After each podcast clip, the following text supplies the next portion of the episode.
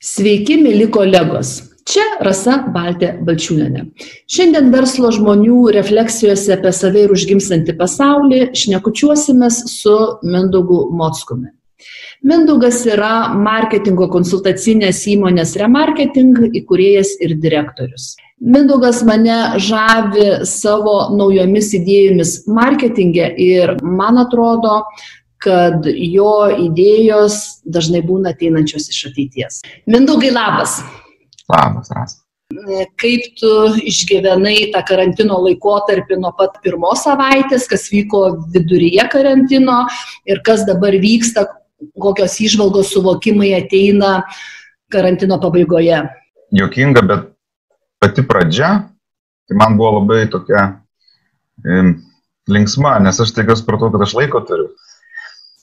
Tai jeigu taip uh, iš, iš žmogiškos pusės, tai galėčiau pasakyti, kad kažkuria prasme netgi apsidžiaugiau, nes, uh, reiškia, tas tempas, kuris mums įprastas šitais laikais, jisai toksai pasidarė uh, lėtesnis. Ir, ir, ir staiga tu suvoki, kad tie visi prioritetai, kuriuos va, penktadienį turi, planai visi, dar kažkas, jie staiga taip kaip ir įsitrynė, įsitrynė be, be kažkokio sąžinės graužimo, kad čia vat, kažko nespėjai, arba tu ten pauzę kur nors pats paspaudai. Ir aš pats taip suvokiau, kad, reiškia, po, to galvodamas, kodėl tas jausmas toks atėjo kažkokio tai palengvėjimų iš principo, todėl kad iš tikrųjų nu, mes turim visi spaudimą, kuris labai dažnai iš išorės ateina, atitikti kažkokius standartus, būti efektyviu, būti vertingu, būti ten gerai dirbančiu, greit dirbančiu ir taip toliau. Ir tai tampa tam tikra norma ir, ir aš bent jau pats pagalvojau, tas toks polinkis į tą tokį lengvos formos darboholizmą, tai kartais galvoju, kad čia iš tavęs ateina, tu tiesiog, nu, tau reikia kažką daryti pastoviai, reikia judėti, reikia veiksmo, nu, žodžiu, maždaug tas nieko neveikimas e, trukdo. Ir taip suvokiau, kad čia turbūt ne visiškai iš vidaus, čia yra tam tikras miksas, kiek tu gauni to spaudimo iš išorės ir kiek yra iš vidaus. Nes pati pradžia, tai man buvo tokia, netgi, sakau, aš kažkuria prasme galiu sakyti, apsidžiaugiau, nes tai atsirado visiškai kitoks, kitoks kontekstas ir suvokiu, kad gali ir ten išvažiuoti, laikantis sąlygų visų reiškia ir ten pabūti ir kažką labiau apmastyti ir panašiai. Tai, tai pradžia buvo tokia ir iš tikrųjų pabaiga irgi tokia. Tiesiog mes, nu, toj savo formai, kadangi mūsų specifika darbo yra šiek tiek kitokia, radom didesnį balansą tarp to, kaip tu dirbi ir to, kaip tu iš principo, kaip gyveni. Ta prasme, persiverti truputėlį tą dalyką. Galėtų jis ir tęstis, tik tai šiek tiek lengvesnė forma. Įdomu yra tai, kad matyt, dalis žmonių tyliai, tyliai tikrai pagalvoja, kad karantinas galėtų tęstis e, lengvesnę formą ir matyt, e, tie žmonės yra įpratę gyventi panašiai ir ne karantino sąlygomis. Tik tai karantino sąlygomis jie gauna, nu, tokį kaip ir formalų leidimą. Taip.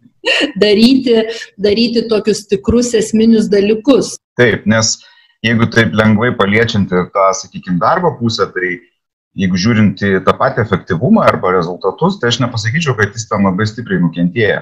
Tai aš tiesiog suvokiu, kad mes antiek e, susifokusavę ir kaip žmonės, ir kaip dirbantis į tą, į formą.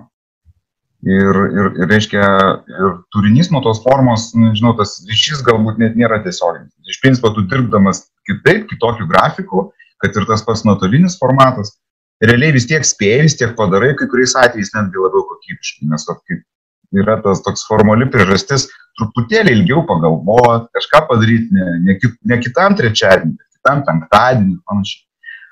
Tai čia aš tame, va, tame matau tokį pozityvų dalyką, kad nes tai yra tam tikra šoko terapija, kuri šiaip realiai prievarta mus privertė ieškoti e, šiek tiek kitų būdų ir tie kiti būdai nebūtinai yra neigiami. Aišku, ne visoms rinkoms, bet.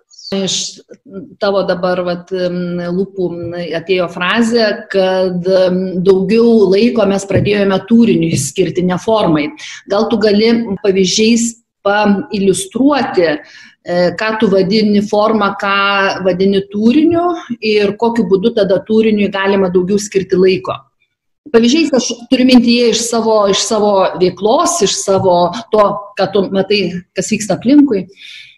Tai jeigu kalbant apie, apie, apie formą, tai yra nu, vienas dalykas tas toks išėjimo, išėjimo į, į, į gatvę, pavadinkim, formą, tai reiškia tas pats susirinkimai, laiko planavimas, ten kažkoks buvimas tam tikroje vietoje numatytų laikų, kelioniai skiriami laikyti. Čia yra toks, na, toks paprastas ligmuo, kuris susijęs su forma, o kitas ligmuo, tai, iškiai, jeigu kalbant apie darbo specifiką, pačios strategijos, analizės ir dar kažkas, mes labai daug laiko skiriam, pavyzdžiui, padaryti prezentaciją, susisteminti viską, suvesti ten kažkokias tai pasiūlymus arba mintis į, reiškia, į medžiagą, kuri parduoda, arba kurią ten visi priims, valdyba, ar direktoriai, ar dar kažkas. Tai.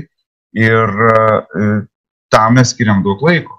O dabar šitoje situacijoje, kada yra, okei, okay, karantinas, mes tam turim kažkokį Skype susitikimą ar, ar, ar kitokį susitikimą, reikia aptarti vieną klausimą, tai aš, mes bent jau patys pastebėjom, kad mes, okei, okay, mes net keliose dabar prisiminiau, keliose susitikimuose net ir buvo.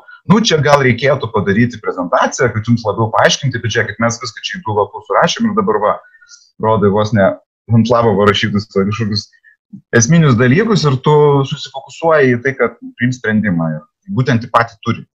Ir netgi, tarp kitko, kalbant apie mūsų sritį, apie marketingą, apie pardavimus, apie strategijas, tai aš pagalvojau, bet irgi tame pačiame kontekste, kad, aiškiai, šiaip turinys iš principo, jisai nenukenčia dėl to, kad jis yra parašytas tik ant lapo, ar jisai dėl to, kad jis yra parašytas 15 ar 20 skaidrių prezentacijų, kažkokį intro, įvadų, prieimų prie temų.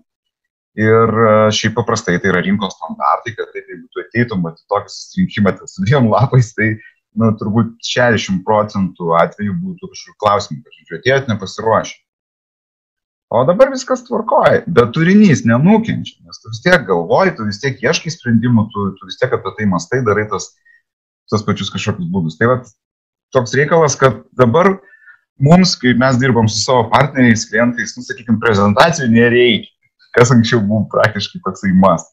Ir tu realiai sėdi ir galvoji, okei, okay, va čia šitas žmogus yra toks, tai jam reikia daugiau paveiksliukų arba mažiau paveiksliukų ir, ir taip toliau. Tai, tai čia iš tos tokios darbinės veiklos. Ir visą tai praeina ir sprendimai greičiau priimami, nes yra tas toks mūsų darbe, taip esantis, na, okei, okay, mes čia reikia pamiegoti su tą mintim, tai dabar tas miegas sutrumpėja. Okei, okay, reikia greičio, tvarko, gerai daro. Ir, ir čia daugiau iš tos darbinės veiklos, nes reiškia, aš dirbu dažniausiai su, reiškia, per tą praktinį marketingą su vadovais, tai irgi matau, kad atsirado tokia nauja tendencija, kuri man iš principo patinka. Tai visi suvokia, kad reikia greičio, aišku, ne visi tą greitį tuose sprendimuose, sakykime, naudoja, bet atsirado toks, mane džiugsmingai nustebinęs dalykas, darom, okei, okay, gal ne visiškai iki galo gerai, bet darom. Ir geriau daryti, negu nedaryti nieko. Tu prasme, visi suvokia, mato, kaip viskas keičiasi aplink greitai ir kiekviena diena reiškia arba didesnę duodą, arba neišnaudotas naujas galimybės, nes karantinas ir labai daug galimybių atnešė. E, tai, tai va, tos toks ok darom. Iš principo, geriau daryti, negu mąstyti per daug ilgai. Ir tas darimas, jisai priveda prie rezultatų. Galų galėtų praktiškai arba padaryti sprendimą, kuris yra maksimaliai efektyvus arba mažiau efektyvus, tu tada gali jį keisti bet nėra to tokio užsidarimo, kas, kas mums tikrai yra tam tikra realybė, kad pagalvosim, mąstysim, kita valdyba, dar pamastysim, čia dar du klausimai iškyla, tai, tai va, to, to nėra. Dėl to mes kažkaip einam labiau visi priversti nueiti būtent į, į turinį, neskirkit laiko prezentacijai, pasakykit, ką siūlot, 1, 2, 3, ok, pam, kodėl dabar žmonės lengviau pamato turinį ir nebetiek yra svarbu tos formos. Ir kodėl žmonės dabar pasirengia daryti, daryti tuos veikiančius, nebūtinai teisingus sprendimus, o neieško to gero teisingo sprendimo. Ką karantinas tokio sukūrė, kad staiga keičiasi mūsų veikimo būdas. Aš galvoju, kad karantinas turbūt praktiškai visus kažkuria prasme privertė ateiti prie savo esmės. Kokia ten ta esmė bebūtų pas kiekvieną žmogų, bet, e, reiškia, ta visa, tas apvalkalas e, ir, ir dėl to, kad mažiau judėjimų, mažiau to viso šovo ir taip toliau, jisai kažkaip susitraukė. Kitas dalykas vis tiek tai yra tam tikra šoko terapija. Ir, ir tu staiga supranti, kad ten tos visos pilis, kurias statėjų nėra. Ir kažką reikia daryti. Tai yra tam tikrai ir baimės jausmai. Aš tikrai matau pas kai kuriuos iš, iš, iš mūsų klientų yra, yra ta desperacija, tam tikra baimė, tas neužtikrintumas, prie kurio jie, jie nebuvo nu, pripratę jau turbūt dešimt metų, jeigu jau net skaičiuojant iki 2008 metų reikalų.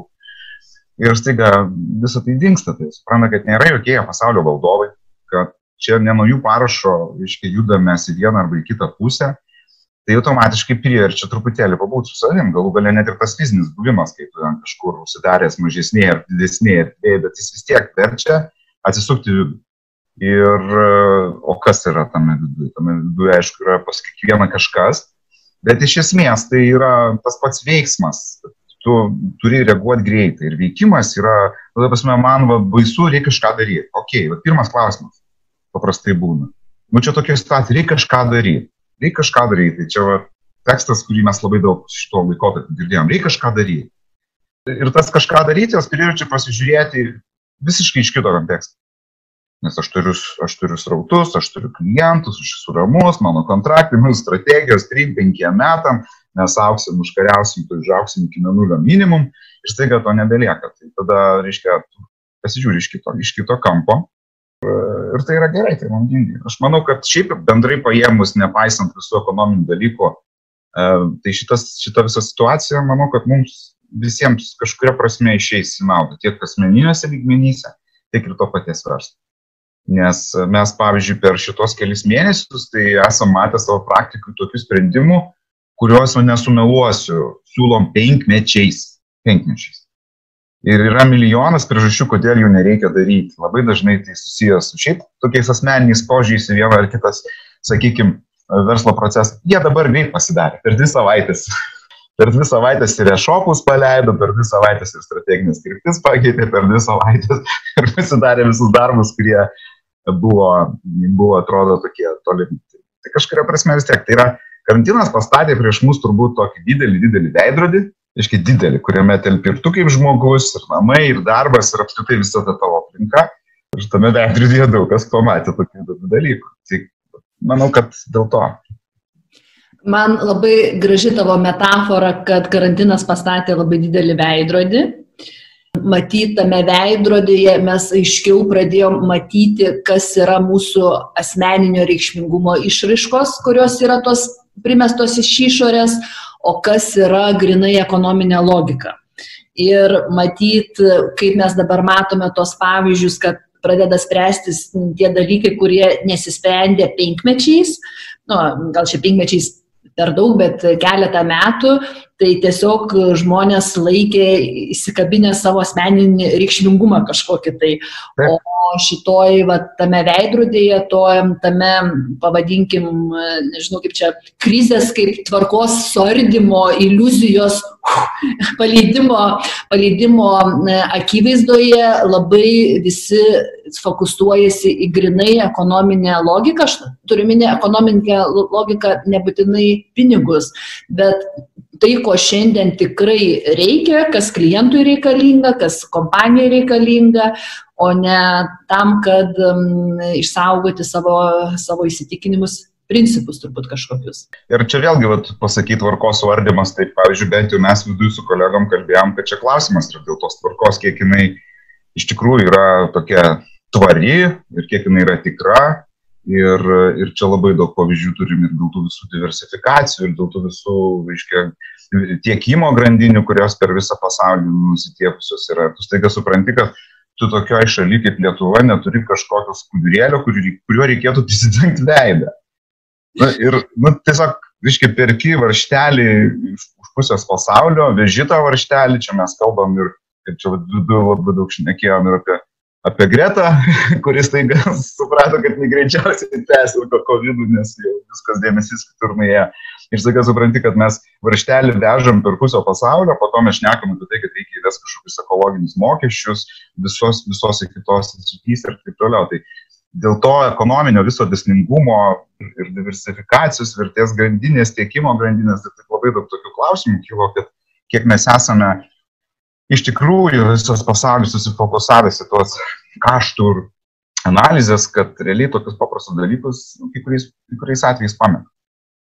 Ir, ir, ir tai, bet tu sakai tvarka, tai net nežinau, ar tai yra tikrai tvari tvarka. Tai... Gal mes dabar galėjome pasitikrinti kiekvienas e, savo veiklas, savo gyvenimą, kiek ta tvarka, kuri buvo iki tol, kiek jinai buvo tvari ir tikra. Nes greičiausiai tiems, kuriems yra išardyta tvarka, jinai buvo trumpalaikė, jin buvo orientuota į trumpalaikius e, sprendimus, bet jinai nebuvo orientuota į ilgalaikę perspektyvą ir ilgalaikius orientyrus. O matyt, e, ta tvarka, kurie nesijaučia, kad jinai buvo labai stipriai išardyta, nu, šiek tiek pakoreguota, bet pati tvarka, kokia buvo iki tol išliko, tai matyt žmogus ar organizacija gali daryti prielaidas, kad ta tvarka, kurią jis kūrė iki tol, jinai yra į perspektyvą organizu... E, orientuota. Greičiausiai ir aš manau, kad dar vienas iš tokių, net jau išnekant iš verslo perspektyvos naudų visos šitos situacijos, tai tikiu, kad padidės lankstumas rinkoje. Nes dabar va, per šitą laikotarpį labai daug ir tarp mūsų klientų yra tokių kompanijų, kurios sugebėjo šlošti visom prasmėm tai išlošti grinai ir finansiškai, nes labai greit persitvarkė, prisitaikė prie kažkokios pasikeitusios situacijos.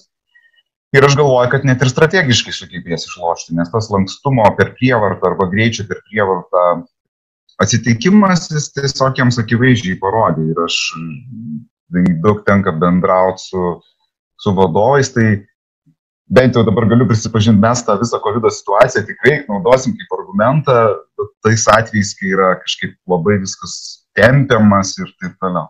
Nes tie, kas buvo greiti, jie turėjo netgi, netgi, netgi pozityvių rezultatų. Tiek dėl trumpalaikės finansinės naudos, ten persimetimas ar į tą pačią elektroninę erdvę, ar kitokios komunikacijos formos nu, greit naudojimo pradžia. Bet lygiai taip pat na, tos struktūros ir tie sprendimai niekur nedingsta, jie ir toliau lieka. Tai juos galima ir toliau išnaudoti. Jeigu išnekant, buvo dabar va, du mėnesiai, čia plus minus, tam, kad labai greitai gyvendinti strateginius pokyčius, kuriems būtų reikėję metų. Ir tai išliks. Gal tu gali pailiustruoti, kaip tu matėjai tuos du mėnesius, kaip elgesi lankščios kompanijos ir kaip elgesi visiškai nelankščios kompanijos ir kur joms sunkumai buvo ir kaip elgesi tokios kompanijos, kur ir lankščios ir nelankščios. Tai pagrindinis skirtumas tarp šitų trijų valdymo stilių, tai yra, nu, pavadinkim, lanksti, beveik lanksti ir visai nelanksti, tai vienas dalykas, kuris bendras, visos turėjo panikos laikotarpį ir skirtumas tarp jų yra panikos laikotarpio trukmė. Nes tos, kurios buvo lankščios, tas panikos laikotarpis realiai praktiškai, galima sakyti, buvo tas savaitgalis, ten kelios dienos, aš tiesiog nuo kovo berots 13 iki ten 16 atsirado ta visa informacija. Tai praktiškai tie, kurie patys lankščiausiai, iš principo pirmadienio pirmadieniui, ten, okei, okay, darbo pabaigai to standartinio jau turėjo kažkokius sprendimus, kad mes darom tą, tą, tą, tą. Nelankščios, jeigu šokant į kitą kraštutinumą, tai nu, tas jų panikos laikotarpis buvo ilgas, ir tam, iki dviejų savaičių. Ir tie elementai, kurie, kadangi jos nelankščios iš principų, sprendimų prieimimo struktūra labai formalizuota, paprastai yra, tai tas ir išliko praktiškai dvi savaitės buvo mąstoma, ką daryti ir kalbama apie tai, kad dabar čia bus labai labai blogai. Ir dar toks pagrindinis skirtumas tarp tų lankščių ir visai nelankščių irgi susijęs su sprendimu, tai buvo investicijų nukarpimai. Reiškia, tos lankščios praktiškai jos tiesiog jas perskirstė, reiškia, kadangi pasikeitė prioritetai, tai yra taktiniai prioritetai pasikeitė. Nelankščios tai pirmas dalykas, tai yra panika ir viską, viskas stabdo. Ir tikrai yra labai daug pavyzdžių ir šių metų projektuose, kurie buvo paleisti ir jie vidury procesą sustabdyti. Ir dabar matom aiškiai, kad to daryti nereikėjo. Jeigu ten kokia nors komunikacija ir jinai kalba vieną formatą, kokios nors pardavimo skatinimo akcijos, tai jo nereikėjo nukirsti, reikėjo tik tai pakeisti, pavadinkim, kanalą. Ir viskas. Ir, ir, ir, ir tas duodavo efektą. Tai panikos trukmė ir, ir tas sprendimų prieimimas. E, man, man smalsu yra tavęs paklausti, e, kaip tu dabar matai per tuos du mėnesius, kai organizacijos lankščios ieškojo naujų veikimo būdų, ką jos į savo organizaciją įvedė kitaip. Tu jau minėjai, kad ten elektroninė parduotuvė išėjo, kitokia komunikacija, bet man labai norisi taip išgirsti tokių kaip ir praktinių daugiau iliustracijų. Jeigu kitokia komunikacija, ką reiškia kitokia komunikacija, jeigu elektroninė erdvė, e, ką reiškia elektroninė erdvė, nes matyti elektroninė erdvė yra įvairiausių įėjimo būdų. Iš tokių labai akivaizdžių pavyzdžių, kurie iškilo šitoje situacijoje, tai galiu vieną tokią pasakyti. Mes, kadangi paslaugos buvo visiškai išjungtos, ar ne, ir daug buvo viešoji viso šitoj erdvėjai, pavyzdžiui, pokalbio apie tai, kad e, visi kurie nuomojasi patalpas, turi problemų dėl to, kad reiškia, yra fiksuoti kaštai ir kintami kaštai ir nuoma yra fiksuoti kaštai, tai mes turim vieną klientą be konkretikos, kuris sugebėjo surasti sprendimą su savo, reiškia, nuomotoju, kad e, mes dalinamės, mes neturim fiksuotos nuomos, mes dalinamės būsimuoju pelnu. Tai realiai de facto pinigai, kurį įmonė nuomojanti patalpas jie bus didesni žymiai. Ta prasme, po tokią situaciją sugrįš, vis tiek jinai sugrįš anksčiau ar vėliau į daugiau mažiau normalų, normalų formatą. Bet tik greit labai sugebėjo sustarti. Jeigu mes turim fiksuotą nuomą, dabar yra tokia situacija, taip yra sutartys, yra dokumentai, gali užlaužti mus, bet finalas tos, kad sumokėsime ten tos, kiek yra numatyta sutartį, bet po to tos patalpos toks tuščios. Tai kerpam nuomą, sakom, kad mes, pavyzdžiui, ten tiek ir tiek procentų nuo būsimos apyvartos, kuri daugiau mažiau žinoma, ateityje nuomosim, o dabar mes nemokam nuomos. Tai va tokie, tokie sprendimai, jeigu kalbant apie tą patį lankstumą, kurie visose pusėse, e, reiškia, davė naudos. Tai šitas pavyzdys man toks labai akivaizdus yra. Manau, kad galbūt, galimai galbūt tai bus ir tam tikras trendas. Iš principo, e, galbūt pavadinkim taip dar tas atsakomybės ir rizikos dalinimasis kai kuriais atvejais atsirado didesnis, kad okei, okay, mes e, uždirbam, bet mes galim tartis dėl to, kad mes pasidalinam labiau dosniai, to, ką mes uždirbam ir tokiu būdu pasidalinam ir tą pačią riziką, pavyzdžiui, šiuo, šiuo konkrečiu, konkrečiu laikotarpiu. Tai čia matyt e, vis dėlto viena tokia tendencija bus, kad išlikti lankščiam, tu labai atidžiai rinksis, su kuo tu turi bet kokius ryšius ir matyt bus labai svarbu ta vat, tikri kokybiniai ryšiai. Manau, kad galima taip teikti, nes e, dar vis tiek parodė visas šitas reikalas, kiek mes esame susiję visi tarpusavį. Apskritai visi, kurie yra ekonomikai. Tiek tie patys žmonės, kurie perka, tiek žmonės, kurie parduoda, tiek žmonės, kurie tame procese vertės grandinėje kažkur dalyvauja, ar su nama, ar su dar kažko. Tai iš esmės yra, yra sąsaja tiesioginė ir e, jeigu tu nors kiek galvoji apie šiek tiek tvaresnį tą visą verslo modelį, tai tu suvoki, kad na, vienos grandinės nesėkmė, jinai reiškia kitos grandinės anksčiau ir vėliau irgi nesėkmė. Ir nesvarbu, kokios ten yra juridinės sąlygos. Tai va tas sprendimas dėl tos nuomos, tai taip akivaizdžiai parodo, kad tas, nu, mes esame visi susiję. Grubiai šnekant, vienam, vienam, vienoj valtyje. Ar tai yra gerai, ar tai yra blogai, čia kitas klausimas, bet, bet taip yra de facto. Ir jeigu mes esam vienoj valty, kurioje reikia trijų žmonių, kad neplauktų, tai vieną iš metus tiems dviems tikrai lengviau nepasidaro. Gal pradžiai, nes problemai sprendžia. E, antras punktas, ką mes pradėjome kalbėti, kokie pavyzdžiai kitokios komunikacijos. Yra keli, keli lygmenys. Vienas lygmuo tai, kad kai kurios įmonės, kurios kažkokių kanalų nenaudoja, irgi dėl asmeninių, pavyzdžiui, vadovybės požiūrį, ten skaitmeninė kažkokia žiniasklaida arba atvirkščiai masinė, tai dabar jos buvo priverstos jas pradėti naudoti.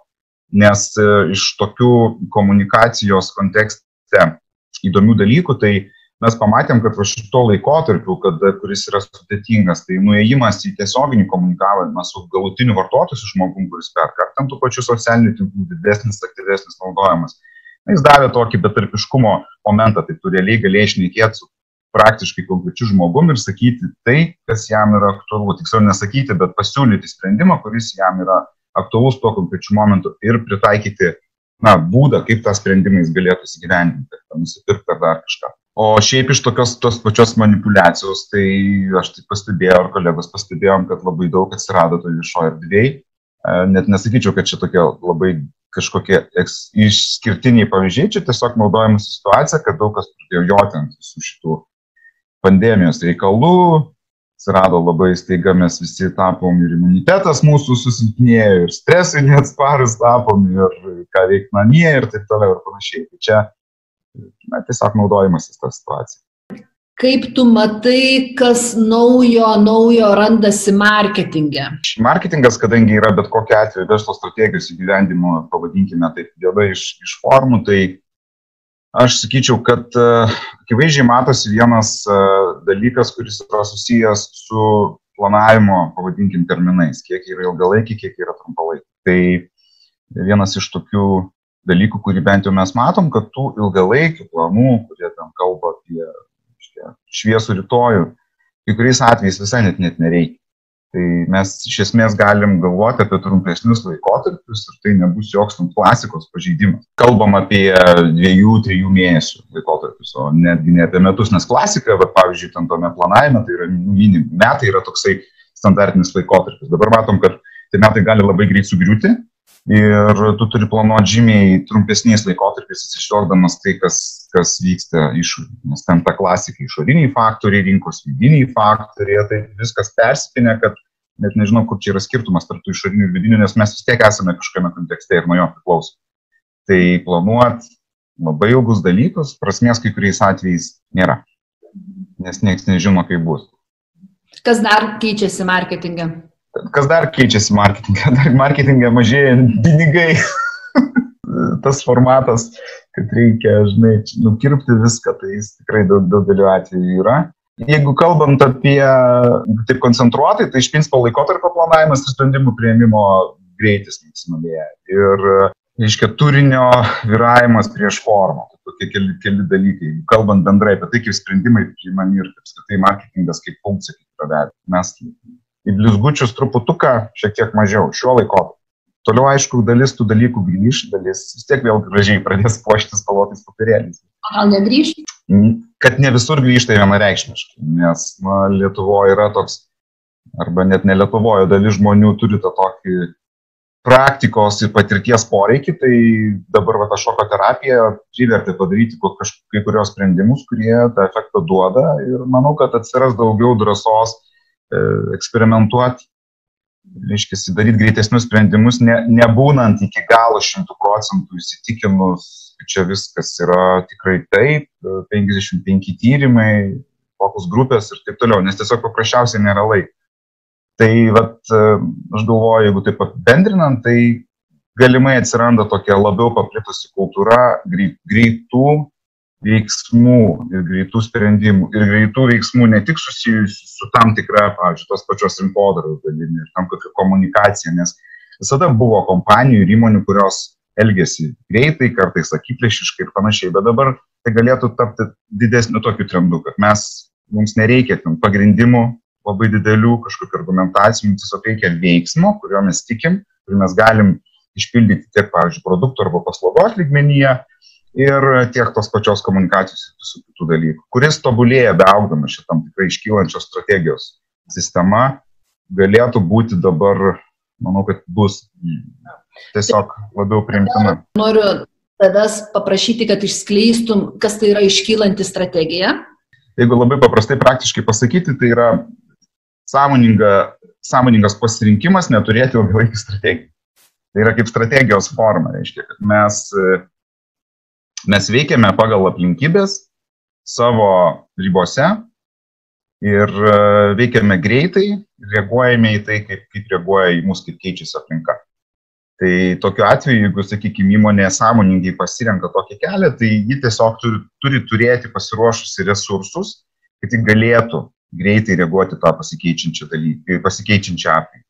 Ir tai reiškia, kad mes nesiplanuojam labai ilgų veiksmų, labai ilgų biudžetų, kaip čia mes kažką darysim, tirsim, aiškinsimės, keisim, o tiesiog einam, darom, bet turim turėti, grubiai šnekant, iš ko daryti. Greičiausia, tai iškylanti strategija dabar artimiausius metus, kol yra neiškumas pasaulyje, bus tokia nesąmoningai daugumo kompanijų pasirinkta.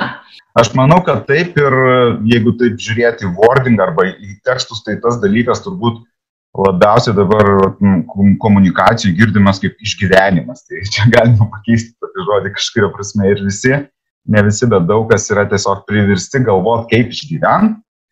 O jeigu taip sistemingai, sistemingai žiūrėti, tai tas išgyvenimas, jeigu jis virstų iškylančios strategijos koncepcija, tai jis galėtų būti labai naudingas visom prasmėm. Nes jis mažina tam tikrą biurokratinių sprendimų skaičių, aparato skaičių, jis iš esmės leidžia tos pačius resursus, net jeigu kalbant ir apie marketingo biudžetą, tiksliau naudoti ir, ir būti netgi aštesniam ir tos ekonomikos, ekonominės logikos. Jeigu kalbant apie tas tendencijas, tai manau, kad dar vienas dalykas daugam akivaizdus tapo, tai yra tai, kad apskritai visas pasaulis yra pastatytas ant žmonių, ant žmogaus, kaip pavadinkim individo, masinio, masinio individo, tai čia nieko naujo nepasakiau, bet esmė yra tokia, kad, reiškia, ant to individuo emocijų ir lūkesčių, nes, na, realiai tai akivaizdu yra dabar mes visi praktiškai gyvename pasaulyje, kuris yra tiesiog pagristas mūsų lūkesčiais. Mes turėsim, mes gausim, mes uždirbsim, mes nuvažiuosim, mes pamatysim, mes planuosim. Ir tai yra susiję tiek su žmogaus, reiškia, asmeniniu lygmeniu, tiek su verslu, nes verslas yra tie patys žmonės. Tai mes apie tai labai patys šnekam daug, dirbdami savo darbą ir tą patį, tą, tą patį psichosemiotinį marketingą, kuris sufokusuotas į žmogų, Tai dabar manau, kad daug kas tiesiog nu, pamatė, kad taip ir yra, nes taiga visi užsinorėjo grikių ir jų nebeliko, arba staiga kažkas įsigando kažkokių dalykų ir ten atsirado, atsirado lūkesčiai. Nes pavyzdžiui, iš tų tokių praktinių reikalų, tai daug kas rinkoje kalba ir mes matom tarp irgi partnerių, kad kai pasileido priekyba, čia sušvelninta buvo. Tai bent jau šiuo laikotarpiu įmonės fiksuoja rekordinės apyvartos, kurių neturėjo ten per savaitę arba per dieną praktiškai nuo pačios ten veiklos 20-25 metų ir taip toliau. Tai yra tokie praktiniai dalykai, kad tiesiog žmonėms reikia, kad iš principo vėlgi yra lūkestis, o gal vėl uždarys, reikia dabar čia grikių turėti. Žinai, man atrodo, kad mes dabar taip e, netyčia prieartėjom prie psichosemiotinio marketingo savokos, kad e, yra marketingas, kur, kuriam yra svarbu žmogų daryti vartotoje ir iš išorės jam, jam įdėkti poreikius, ką jis dabar turi daryti, kam jis turi atitikti. Ir mes patys vieni kitiems darydami tuos veiksmus tampame patys vieni kitiems, kaip čia, apvelto gyvenimo kuriejai. Ir matyt, va, tas psichosemiotinis marketingas, kurio pagrindė stovi fundamentalų žmonių poreikiai, kurie nesikeičia kitus kontekstui ir kuriam yra svarbu vystyti žmogų kaip žmogų, o ne kaip vartotoją, matyt, tame irgi yra ateitis vienareikšmiškai dar vienas iš tokių pastebėjimų, kuris irgi persipinęs tiek verslas, tiek, tiek asmeniai dalykai.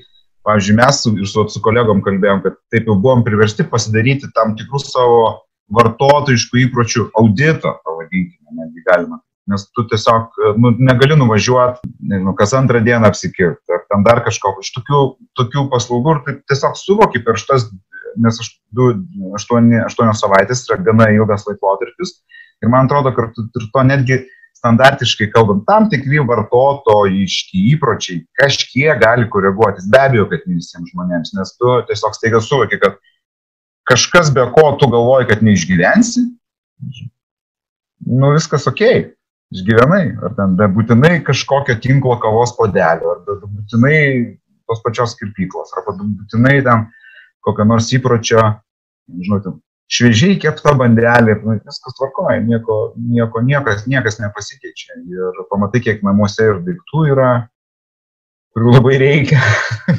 ir panašiai. Tai čia ga, ga, va, tas, tas, tas dalykas, kad mes šitą šokoterapiją ir tai susiję ir su pačiu verslu, nes jas taiga neparduoda, nes uždarytas kelias ir su tais pačiais žmonėm, tu šiek tiek permas. Kažko galbūt to iš tikrųjų nereikia.